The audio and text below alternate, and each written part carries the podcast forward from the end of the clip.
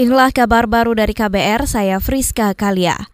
Menteri Keuangan Sri Mulyani mengakui virus corona Wuhan mulai mempengaruhi Indonesia. Menurutnya virus ini mulai berdampak pada perekonomian nasional mulai bulan Januari 2020, seperti penurunan di sektor perdagangan, juga berkaitan dengan perlambatan penerimaan perpajakan hingga kepabeanan dan cukai pada awal tahun. Sektor perdagangan mungkin mengalami penurunan dan ini yang harus kita waspadai kemungkinan pengaruh dari coronavirus terutama pada bulan Januari dua minggu terakhir atau paruh keduanya.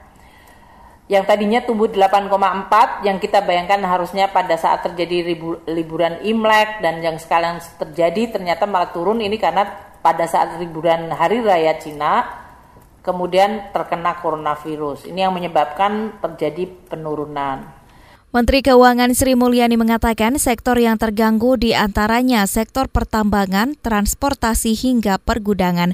Ia juga menjelaskan penerimaan perpajakan di bulan Januari 2020 turun menjadi 84 triliun jika dibandingkan dengan periode yang sama tahun sebelumnya yaitu 90 triliun rupiah. Sementara itu jumlah penumpang kapal pesiar Diamond Princess yang positif terinfeksi virus corona bertambah menjadi 621 orang. Jumlah tersebut bertambah 79 dari laporan sebelumnya. Mengutip AFP, sebenarnya para penumpang yang dikarantina selama 14 hari di dalam kapal sudah diperbolehkan keluar, namun ternyata ditemukan kasus infeksi baru. Ratusan penumpang Diamond Princess mulai meninggalkan kapal sejak Rabu kemarin.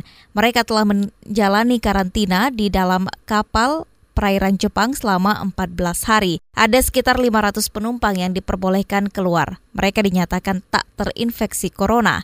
Mereka juga bakal diberikan sertifikat resmi tak terinfeksi virus tersebut. Kita beralih ke informasi lain. Kepolisian mengaku masih kesulitan mencari keberadaan Harun Masiku, tersangka dugaan suap komisioner KPU. Kabar Eskrim Polri Listio Sigit Prabowo mengatakan, selain memasukkan Harun dalam daftar pencarian orang, polisi juga menyebarkan surat telegram rahasia untuk memerintahkan penangkapan Harun. Hari Masiku kita masih bantu, kita kan sudah sebarkan DPO buat STR ke wilayah-wilayah. Tentunya perintah kita sudah jelas kalau memang ada anggota polisi yang melihat, segera amankan.